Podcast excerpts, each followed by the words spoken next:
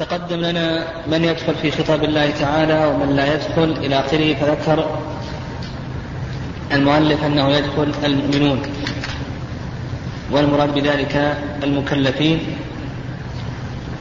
وتكلمنا عن الساهي آه، هل هو داخل تحت الخطاب أو ليس داخلا؟ وأن الساهي فيما يتعلق بحق الله عز وجل أنه ليس داخلا. لكنه قد يؤمر يطالب بالقضاء وقد لا يطالب فيما يتعلق بحقوق الآدميين. فإنه داخل. وأيضا ما يتعلق بالمجنون وما يتعلق بالصبي وكذلك أيضا ما يتعلق بالنائم وما يتعلق بالغضبان. هذا ذكرنا فيه تفصيلات. هل هم داخلون أو ليسوا داخلين؟ وهل هم مكلفون أو ليسوا مكلفين؟ إلى آخره. تكلمنا في ذلك. نعم تكلمنا في تفصيل ذلك. آه أيضا بقي علينا السكران. بقي علينا السكران. هل هو داخل في خطاب الله عز وجل؟ هل هو مكلف أو ليس مكلفا؟ نقول آه آه السكران لا يخلو من حالتين. الحالة الأولى أن يكون معذورا بسكره. أن يكون معذورا بسكره. كما لو شرب شيئا يظنه مباحا فتبين أنه محرما أنه مسكر. آه آه. فهذا هذا ليس داخلا تحت الخطاب يعني فيما يتعلق بأقواله وأفعاله لا آه نعم لا يأثم فيما يتعلق بأقواله. أو فيما يتعلق بأفعاله هذا نقول بأنه لا إثم عليه. لا إثم عليه. لكن فيما يتعلق بحقوق المخلوقين ها هذا يجب عليه يجب عليه الضمان. نعم يجب عليه أن يضمن. لكن فيما يتعلق بأقواله لو قذف أو باع أو اشترى أو طلق زوجته أو نحو ذلك هذا ليس مكلفا. كذلك أيضا فيما يتعلق بأفعاله. لو آه أتلف مال أو قتل أو ضرب ونحو ذلك نقول هذا ليس مكلفا ولا يأثم. لكن فيما يتعلق بالضمان فهذا يجب عليه يجب عليه أن يضمن لأن حول الآدميين مبنية نعم مبنية على المشاحة أما القسم الثاني فأن يكون آه غير معذور بسكره أم غير معذور بسكره فهل هو مكلف أو ليس مكلفا؟ هل هو مكلف أو ليس مكلفا؟ هذا اختلف فيه العلم رحمهم الله. يعني اختلف فيه العلماء رحمهم الله تعالى في ذلك. ف المشهور من المذهب المشهور من المذهب أنه مكلف. وعلى هذا لو طلق زوجته فإن طلاقه ينفذ. يقولون بأن طلاقه ينفذ. و ولو قذف فإنه يؤاخذ بذلك. إلى آخره. نعم إلى آخره. قالوا بأنه مكلف. والرأي الثاني رأي الظاهرية. نعم قالوا بأنه ليس مكلفا. أما الذين قالوا بأنه مكلف فاستدلوا بأدلة من هذه الأدلة نعم من هذه الأدلة؟ قالوا آه قالوا بأن الصحابة رضي الله تعالى عنهم أقاموه مقام الصاحب. فقالوا إذا سكر هذا وإذا هذا افترى وحد المفتري ثمانون. لكن هذا لا يثبت. نعم هذا لا يثبت. وكذلك أيضا قالوا بأنه ورد آه عن بعض الصحابة رضي الله تعالى عنهم الحكم بطلاق السكران. وهذا أيضا مما اختلف فيه الصحابة رضي الله تعالى عنهم بالنسبة لطلاق السكران هل يقع أو لا يقع. وكذلك أيضا استدلوا قالوا بأن سكره محرم فلا يكون سببا للتخفيف. فكون نقول بأنه غير مكلف هذا يكون سببا للتخفيف فلا يكون المحرم سببا للتخفيف والرأي الثاني أنه غير مكلف لا بأقواله ولا أفعاله. وهذا مذهب الظاهرية. واستدلوا على ذلك بأدلة. من هذه الأدلة قول الله عز وجل يا أيها الذين آمنوا لا تقربوا الصلاة وأنتم سكارى حتى تعلموا ما تقولون. قال حتى تعلموا ما تقولون. فدل ذلك على أن السكران لا يعلم ما يقول فإذا كان لا يعلم ما يقول فليس مكلفا.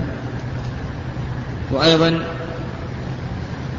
استدلوا أيضا بقصة حمزة رضي الله تعالى عنه لما شرب فحتى ثمل شرب حتى ثمل أحمرت عيناه فقام إلى شارف علي رضي الله تعالى عنه فبقر بطونهما. فذهب علي إلى النبي عليه الصلاة والسلام فأخبره بما صنع حمزة فقال وهل أنتم إلا أعبد لأبي؟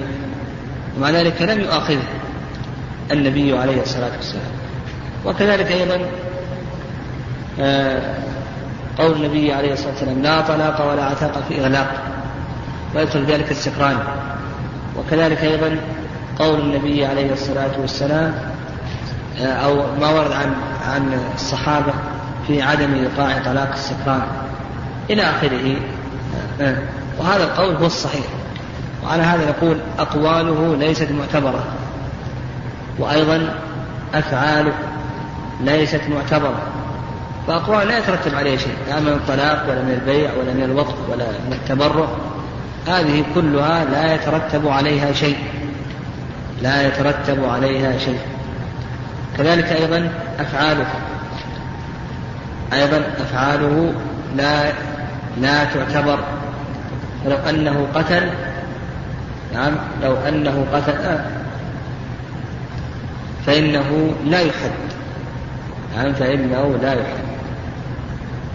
ولو سرق وهو سكران فإنه لا يقطع نعم فإنه لا يقطع. مثل ذلك أيضا لو زنى وهو سكران إلى آخره لا يكلف بالأفعال. ولا يؤاخذ عليها ولا يأثم. لكن لو أنه أتلف المال لو أنه أتلف مالا ما الحكم؟ يضمن. نعم يضمن. فيقول لا يؤخذ بأفعاله إلا إن سكر لكي يفعل. فهذا يؤاخذ لا شك في ذلك. مثلا لو شرب المسكر لكي يقتل أو شربه لكي يسرق أو لكي يقذف أو لكي يطلق إلى آخره فنقول في هذه الحالة يؤاخذ. أما بعد ذلك فإنه لا يؤاخذ. قال رحمه الله والكفار مخاطبون بفروع الشرائع وبما لا تصح إلا به وهو الإسلام. كقوله تعالى قالوا لم نكن من المصلين إلى آخره. بالنسبة للكفار هل هم مخاطبون أو ليسوا مخاطبين؟ نقول آه هذا فيه تفصيل. أو ينقسم إلى قسمين. القسم الأول الإسلام. يعني القسم الأول الإسلام. وهذا بالاتفاق بالإجماع بالإجماع أنهم مخاطبون بالإسلام. لأن النبي عليه الصلاة لأن هذا هو أصل البعثة. أصل بعثة النبي عليه الصلاة والسلام دعوة الناس. نعم دعوة الناس إلى دين الله عز وجل. وهذا يدخل في ذلك الكفار. كما قال الله عز وجل قل يا أيها الناس إني رسول الله إليكم جميعا. وأيضا قول النبي عليه الصلاة والسلام لا يسمع بي يهودي ولا نصراني ثم لا يؤمن بي إلا دخل إلا دخل النار. فما يتعلق بالإسلام نقول بأنهم مخاطبون. نقول بأنهم مخاطبون. أما ما يتعلق بفروع الإسلام وفروع الإيمان كالصلاة والزكاة والحج إلى آخره هل هم مخاطبون أو ليسوا مخاطبون أو ليسوا مخاطبين؟ هذا موضع خلاف بين الأصوليين رحمه الله. فالأصوليون لهم في ذلك لهم في ذلك رأيان. والراجح في ذلك يعني الراجح في ذلك أن يقال أن الكفار يتوجه إليهم خطابان. أن الكفار يتوجه إليهم خطابان. أما الخطاب الأول فخطاب التكليف. يعني خطاب التكليف فنقول بأنهم مكلفون بفروع الشريعة. وعلى هذا يعذبون على كفرهم ويعذبون أيضا على امتثال على عدم امتثالهم للشرائع. نقول بأنهم يعذبون على الكفر ويعذبون على امتثال الشرائع على عدم امتثال الشرائع. كما قال الله عز وجل ما سلككم في سقر قالوا لم نكن من المصلين ولم نكن نطعم المسكين وكنا نخوض مع الخائضين. كنا نخوض مع الخائضين. فقالوا لم نكن نطعم المسكين لم نكن من المصلين ولم نكن نطعم المسكين وكنا نخوض مع الخائضين فهذا دليل على أنهم عن ماذا؟ ها؟ أنهم أنهم مخاطبون يعني خطاب التكليف أنهم مكلفون بهذه الأشياء وإلا لم يعذبوا عليها وأيضا قال الله عز وجل فلا صدق ولا صلى ولكن كذب وتولى فقوله لا صلى هذا يدل على ماذا؟ ها؟ على أنه مخاطب مكلف بالصلاة وإلا لم يذكرها الله عز وجل على أنه يعذب على أنه يعذب عليها. وأيضا من الأدلة على أن الخطاب التكليف يتوجه إليه العمومات وأقيموا الصلاة وآتوا الزكاة. هذا يشمل حتى الكفار. ولله على الناس حج البيت. يشمل حتى الكفار. هذا فيما يتعلق بخطاب التكليف. أما القسم الثاني فهو خطاب الأداء. فإنهم ليسوا مخاطبين بخطاب الأداء. نقول خطاب الأداء هذا لا يتوجه إليهم. فليسوا مخاطبين خطاب أداء. نعم خطاب أداء. يعني ما نأمرهم بأداء الصلاة وإن كانوا مكلفين بها. ولا نأمرهم بأداء الزكاة وأداء الصيام إلى آخره وإن كانوا مكلفين. يعني على ذلك أنه لا فائدة من, من أمرهم بأداء هذه الأشياء وهم فقدوا الأصل وهي حابطة. هذه الأشياء حابطة وقد فقدوا الأصل وهو التوحيد. قال الله عز وجل وما منعهم أن تقبل منهم نفقاتهم إلا أنهم كفروا بالله وبرسوله. فالنفقات مع أن نفعها متعد لم تقبل منهم. لماذا؟ لأنهم كفروا بالله ورسوله فالعبادات التي ليس نفعها متعديا من باب أولى. العبادات التي ليس نفعها متعديا من باب أولى. أنها لا تقبل منهم. و وكذلك أيضا قال الله عز وجل وقدمنا إلى ما عملوا من عمل فجعلناه هباء منثورا. فجعلناه هباء منثورا. وأيضا قال الله عز وجل ولو أشركوا لحبط عنهم ما كانوا يعملون. وقال الله عز وجل لئن أشركت ليحبطن عملك.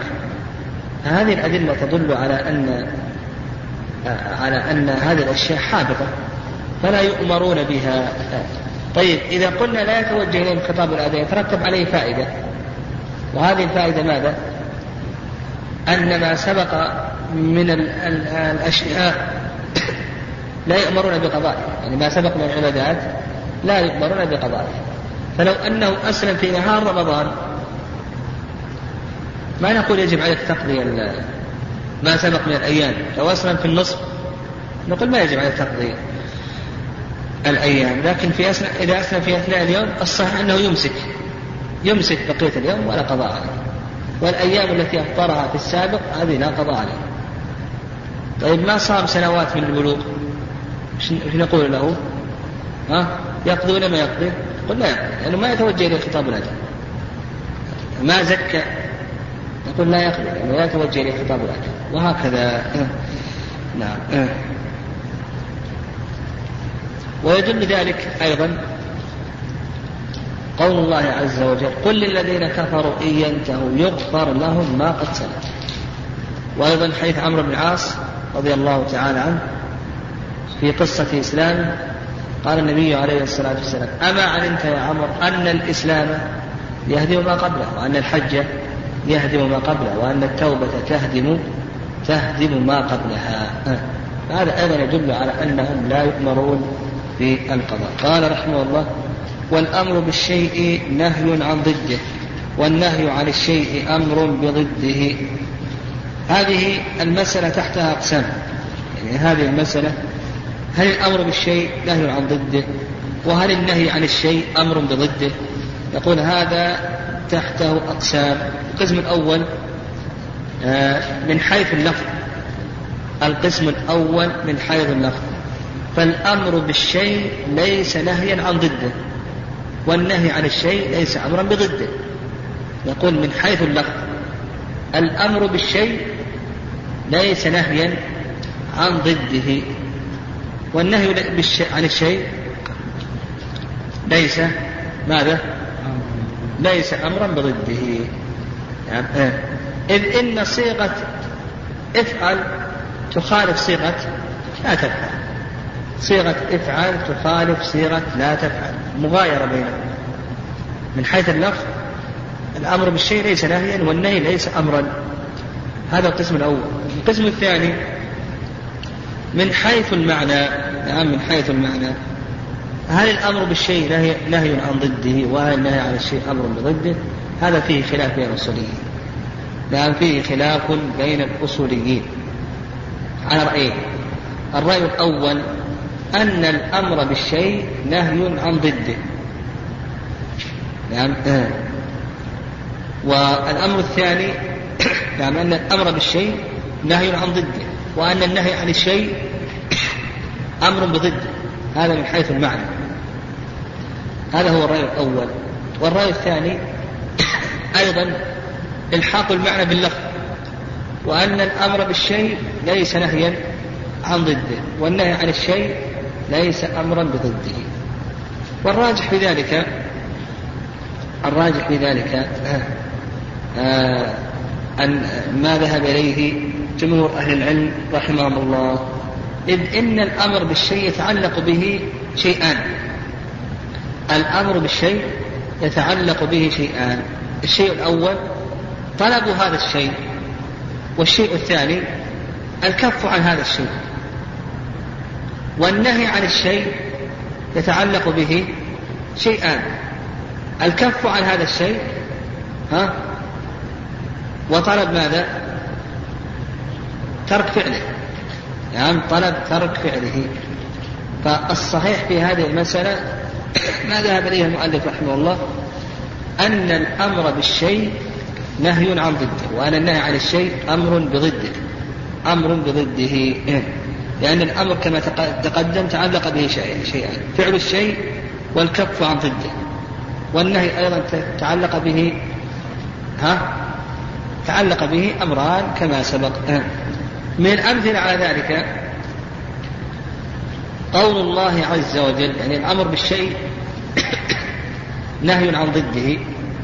قول الله عز وجل فمن شهد منكم الشهر فليصم شهر رمضان الذي أنزل فيه القرآن. إلى أن قال الله عز وجل فمن شهد منكم الشهر فليصم فقول الله عز وجل فمن شهد منكم الشهر فليصم هذا أمر أو ليس أمرا؟ هذا أمر. نهي عن ضده. ضده ماذا؟ ها؟ الإفطار. الإفطار. يعني هذا نهي عن ضده. لأن هذا الأمر تعلق به شيئان فعل هذا الشيء فليصم. أيضا الكف عن ضده. الشيء الثاني الكف عن ضده. أيضا من, من الأمثلة على ذلك ما رواه أبو هريرة رضي الله تعالى عنه. أن النبي صلى الله عليه وسلم قال للمسيء صلاته إذا قمت إلى الصلاة نعم فأسبغ الوضوء ثم استقبل القبلة فكبر. قال استقبل القبلة قال أسبغ.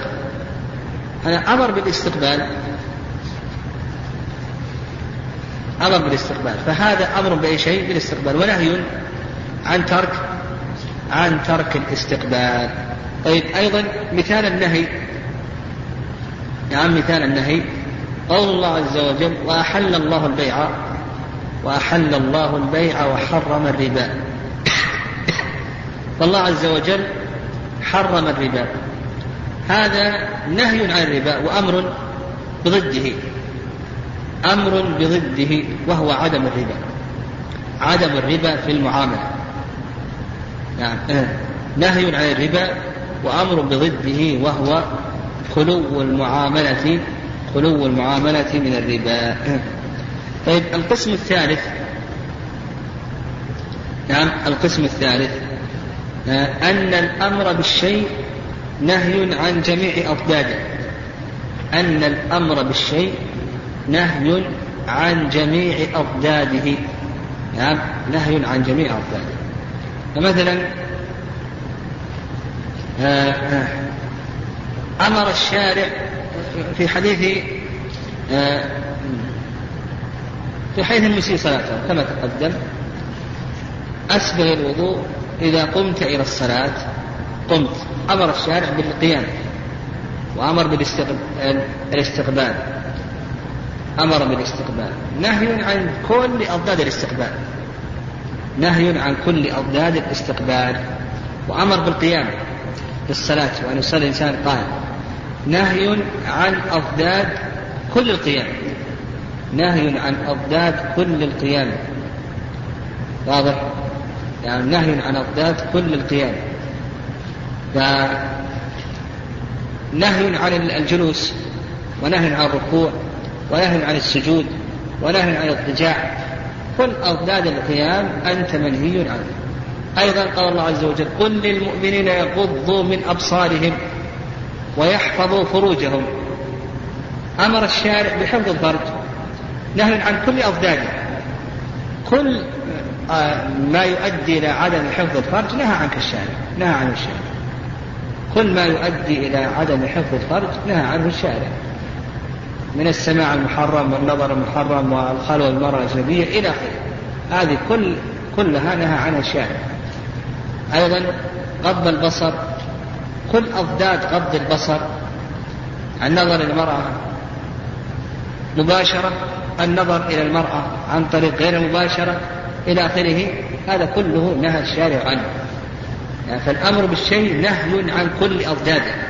يعني الأمر بالشيء نهي عن كل أضداده. طيب النهي عن الشيء أمر بأحد أضداده. النهي عن الشيء أمر بأحد أضداده. مثال ذلك الشارع حرم صيام يوم العيدين. حرم صيام يوم العيدين. فهذا أمر بشيء واحد وهو الإفطار. هذا أمر بشيء واحد وهو الإفطار. الإفطار يوم العيد. يوم العيد. طيب بقينا في قسم أخير ها؟ لا صيام يوم العيدين. لا صيام يوم العيدين. طيب آه. طيب القسم الأخير الأمر بالشيء هل هو عين النهي عن ضده أم لا؟ يعني قول بعض الأصوليين الأمر بالشيء عين النهي عن ضده هذا باطل هذا باطل لأن هذا مبني على أساس ما هو؟ هذا سب ها؟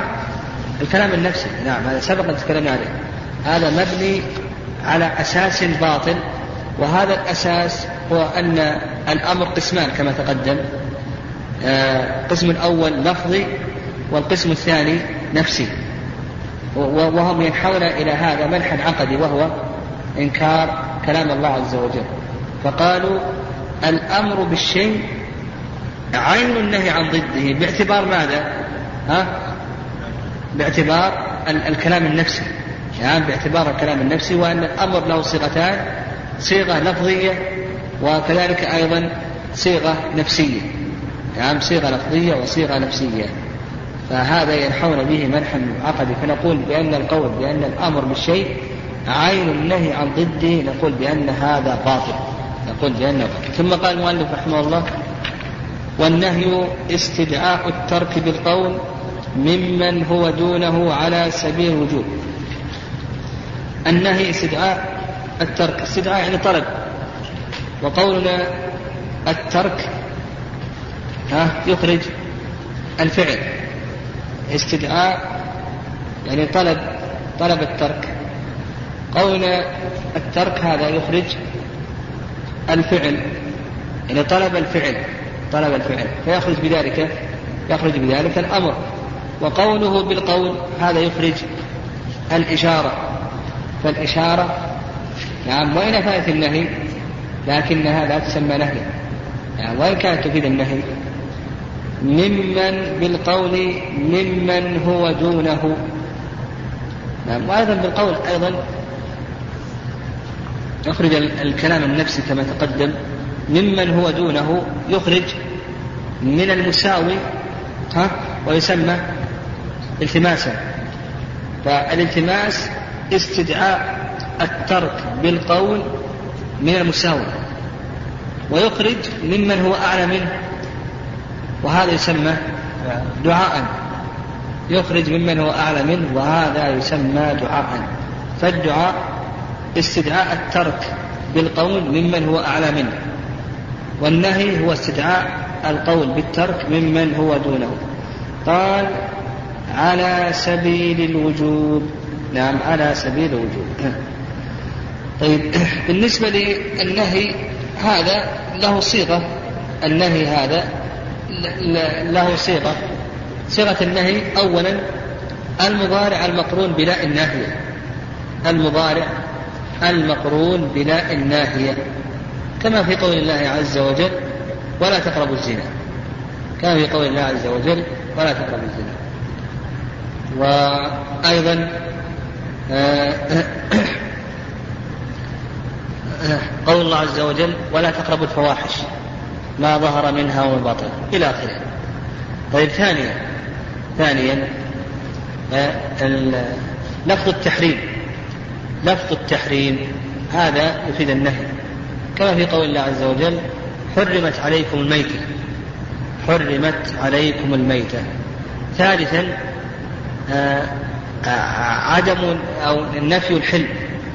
نعم نفي الحلم. كما في قول الله عز وجل يا أيها الذين آمنوا لا يحل لكم أن ترثوا النساء كرها. يا أيها الذين آمنوا لا يحل لكم أن ترثوا النساء كرها. وكذلك أيضا نعم.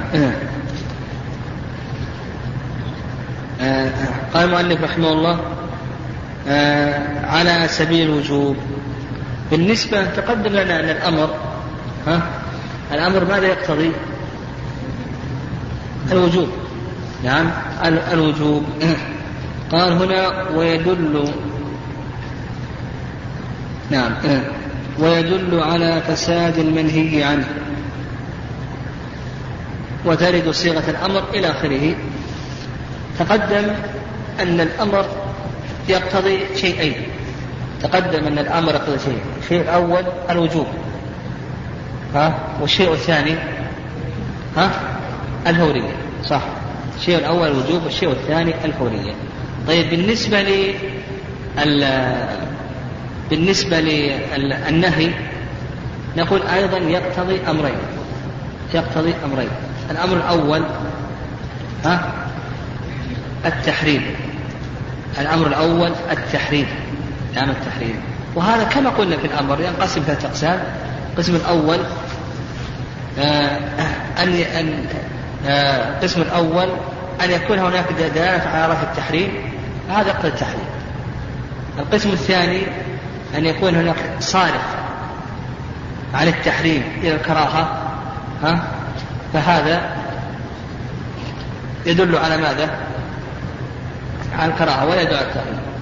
القسم الثالث النهي المجرد عن الصوارف والقرائن النهي المجرد عن الصوارف والقرائن فهذا باتفاق الأئمة أنه يدل على التحريم. فالأقسام في ذلك كم؟ ثلاثة. أن يكون هناك دليل يدل على التحريم فهذا الأمر ظاهر.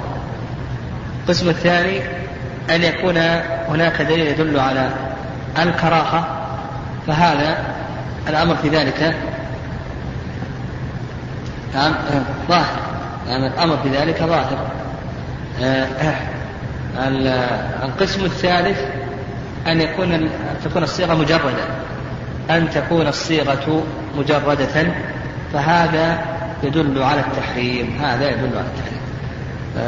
باتفاق الأئمة. نعم باتفاق الأئمة.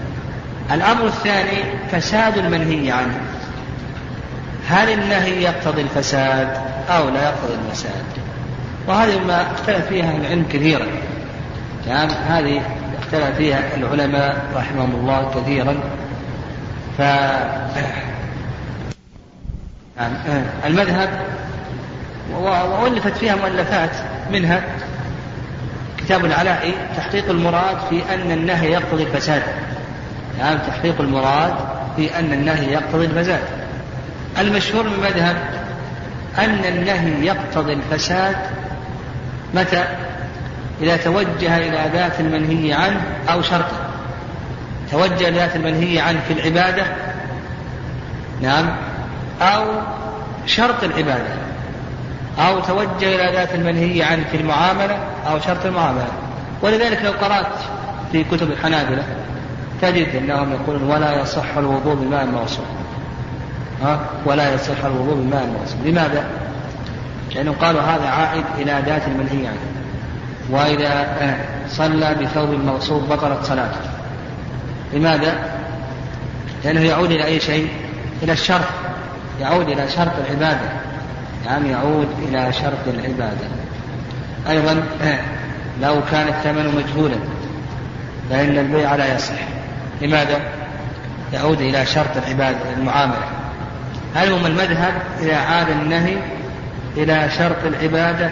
أو شرط المعاملة أو ذات العبادة أو ذات المعاملة فإنه يقتضي الفساد فإنه يقتضي الفساد. طيب إذا عاد إلى أمر خارج فإنهم يقولون لا يقتضي الفساد. إذا عاد إلى أمر خارج فإنه يقتضي ولهذا قالوا لو صلى وعليه عمامة حرير وش حكم الصلاة؟ صحيح. لأن عمامة الحرير هنا النهي ما عاد إلى ذات المنهي عنه وهو الصلاة في العمامة الحرير. وكذلك أيضا ما عاد النهي إلى ماذا؟ ها؟ إلى الشرط. ستر الرأس هو بشرط. ستر الرأس هذا ليس شرطا. طيب صلى وعليه خاتم ذهب ها؟ شو الحكم؟ صحيح الصلاة. نعم الصلاة المذهب صحيح لأنه يعود إلى أمر خارج. يعود إلى أمر خارج وهكذا. نعم وهكذا. والأقرب أن يقال نعم أن يقال أن النهي يعود إلى ذات المنهي عنه نقول النهي إذا عاد إلى آه، النهي هل يعود إلى هل يأخذ الفساد أو لا يأخذ الفساد؟ نقول أن المسألة تنقسم إلى أقسام. المسألة يعني هو كتقسيم الحنابل لكن ندخل عليه بعض التقييد. النهي يقتضي الفساد نقول ينقسم إلى ثلاث أقسام. القسم الأول أن يعود إلى ذات المنهي عنه. فنقول هنا يقتضي الفساد ولا إشكال في ذلك. ودليل ذلك أو من أدلة ذلك آه، أولا آه، ما هو الدليل؟ أو نذكر الأدلة هذه بعدين. نقول يقتضي النهي يقتضي الفساد إذا عاد إلى إلى ذات المنهي عنه. مثل ذلك حديث أبي مرتد الغنوي رضي الله تعالى عنه. وفيه قول النبي صلى الله عليه وسلم لا تصلوا إلى القبور ولا تجلسوا عليه هنا لا النهي يعود إلى ماذا؟ ها؟ إلى ذات المنهي عنه. نعم لا تصلوا إلى القبور ولا تجلسوا عليه فنقول هنا يعود إلى ذات المنهي عنه. طيب آه أيضا من ذلك أيضا في حديث أبي سعيد لا صلاة بعد صلاة الفجر ولا صلاة بعد صلاة العصر. ها؟ النهي هنا ماذا؟ يعود إلى ذات المنهي عنه لا صلاة بعد صلاة الفجر ولا صلاة بعد صلاة العصر. يعود إلى ذات المنهي عنه كذلك أيضا آه، آه، من ذلك أيضا قول الله عز وجل يا أيها الذين آمنوا إذا نودي بالصلاة من يوم الجمعة فاسعوا إلى ذكر الله وذروا البيع. نهي عن البيع. نهي عن البيع بعد النداء. هذا يعود إلى ذات المنهي عنه. هذا يقول بأنه يقتضي الفساد. يقتضي الفساد. آه. طيب القسم الثاني القسم الثاني أن يعود إلى أمر خارج نعم القسم الثاني أن يعود إلى أمر خارج عن ذات المنهي عنه وعن شرطه. أن يعود, أن يعود إلى أمر خارج عن ذات المنهي عنه وعن شرطه. مثل ذلك كما تقدم لو صلى وعليه عمامة حرير أو صلى وعليه خاتم ذهب نعم آه آه نعم أو آه نحو ذلك نعم نحو ذلك فهذه ومثل ذلك أيضا لو تلقى الجلب لو تلقى الجلب فهذه يدل هذه نقول بأن النهي لا يقتضي الفساد. أو غش في المعاملة في البيع. هذا نقول بأنه لا يقتضي الفساد لا يقتضي الفساد. طيب القسم الثالث إذا عاد إلى شرط العبادة أو المعاملة. القسم الثالث إذا عاد إلى شرط العبادة أو المعاملة فالمذهب مطلقا نفذ الفساد كما قلنا عاد إلى شرط العبادة مثل لو صلى بثوب مغصوب الثوب هنا من ستر العورة من شروط العبادة. هنا يقتضي الفساد. صلى نعم باع بيعا. آه والثمن مجهول. نقول بأنه يقتضي الفساد أيضا لا نكاح إلا بولي. يقتضي الفساد ولا ما يقتضي الفساد؟ ها؟ يقتضي الفساد. نقول بأنه يقتضي الفساد. لا نكاح إلا بولي. يقتضي الفساد. عاد إلى شرط العقد. شرط العقد. فالمذهب مطلقا. إذا وجدت عبادة عاد النهي إلى شرطها أو معاملة عاد النهي إلى شرطها فإنه يقتضي ماذا؟ يقتضي الفساد. والصحيح بذلك أن يقال نعم آه أن الشرط إذا نهي عنه في العبادة أو المعاملة مع قرنه بالعبادة والمعاملة يقتضي الفساد. أما إذا نهي عنه نهيا مطلقا دون قرنه بالعبادة أو المعاملة فنقول لا يقتضي الفساد. لا يقتضي الفساد.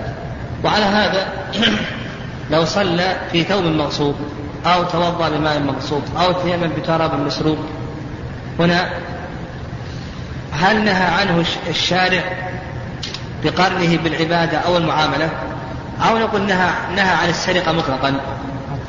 نهى عن السرقة مطلقا. في هذه الحالة ما نقول يقتضي الفساد لا نقول بأنه يقتضي الفساد. لكن إذا قرنه بالعقد أو بالعبادة أو المعاملة فنقول يقتضي الفساد. مثل لا نكاح إلا بولي. هنا الآن نقول بأنه يقتضي الفساد. يقتضي الفساد. نعم. آه. آه. أيضا نهى عن الثمن المجهول. نقول هنا يقتضي الفساد. أو السلعة أن تكون مجهولة. نقول يقتضي الفساد. لأن الشارع نهى عن بيع الغرض نهى عن بيع الغرض فنهي عن بيع الغرض نهي عن الثمن المجهول مع قرنه بالعقد عقد البيع. أو نهي عن السلعة المجهولة مع قرنه بعقد البيع. وهكذا. نعم وهكذا. آه. فالصحيح بذلك إذا كان النهي مطلقا. نعم آه. دون دون النظر إلى العبادة والمعاملة نقول ما يقضي الفساد. أما إذا نهى مع النظر إلى العبادة أو المعاملة فإنه في هذه الحالة يقتضي نعم يقتضي الفساد. وهذا أقرب شيء نعم هذا أقرب شيء فيما يتعلق بهذه المسألة. طيب بالنسبة للأدلة قلنا إذا عاد إلى ذات منهي عنه يقتضي ماذا؟ ها؟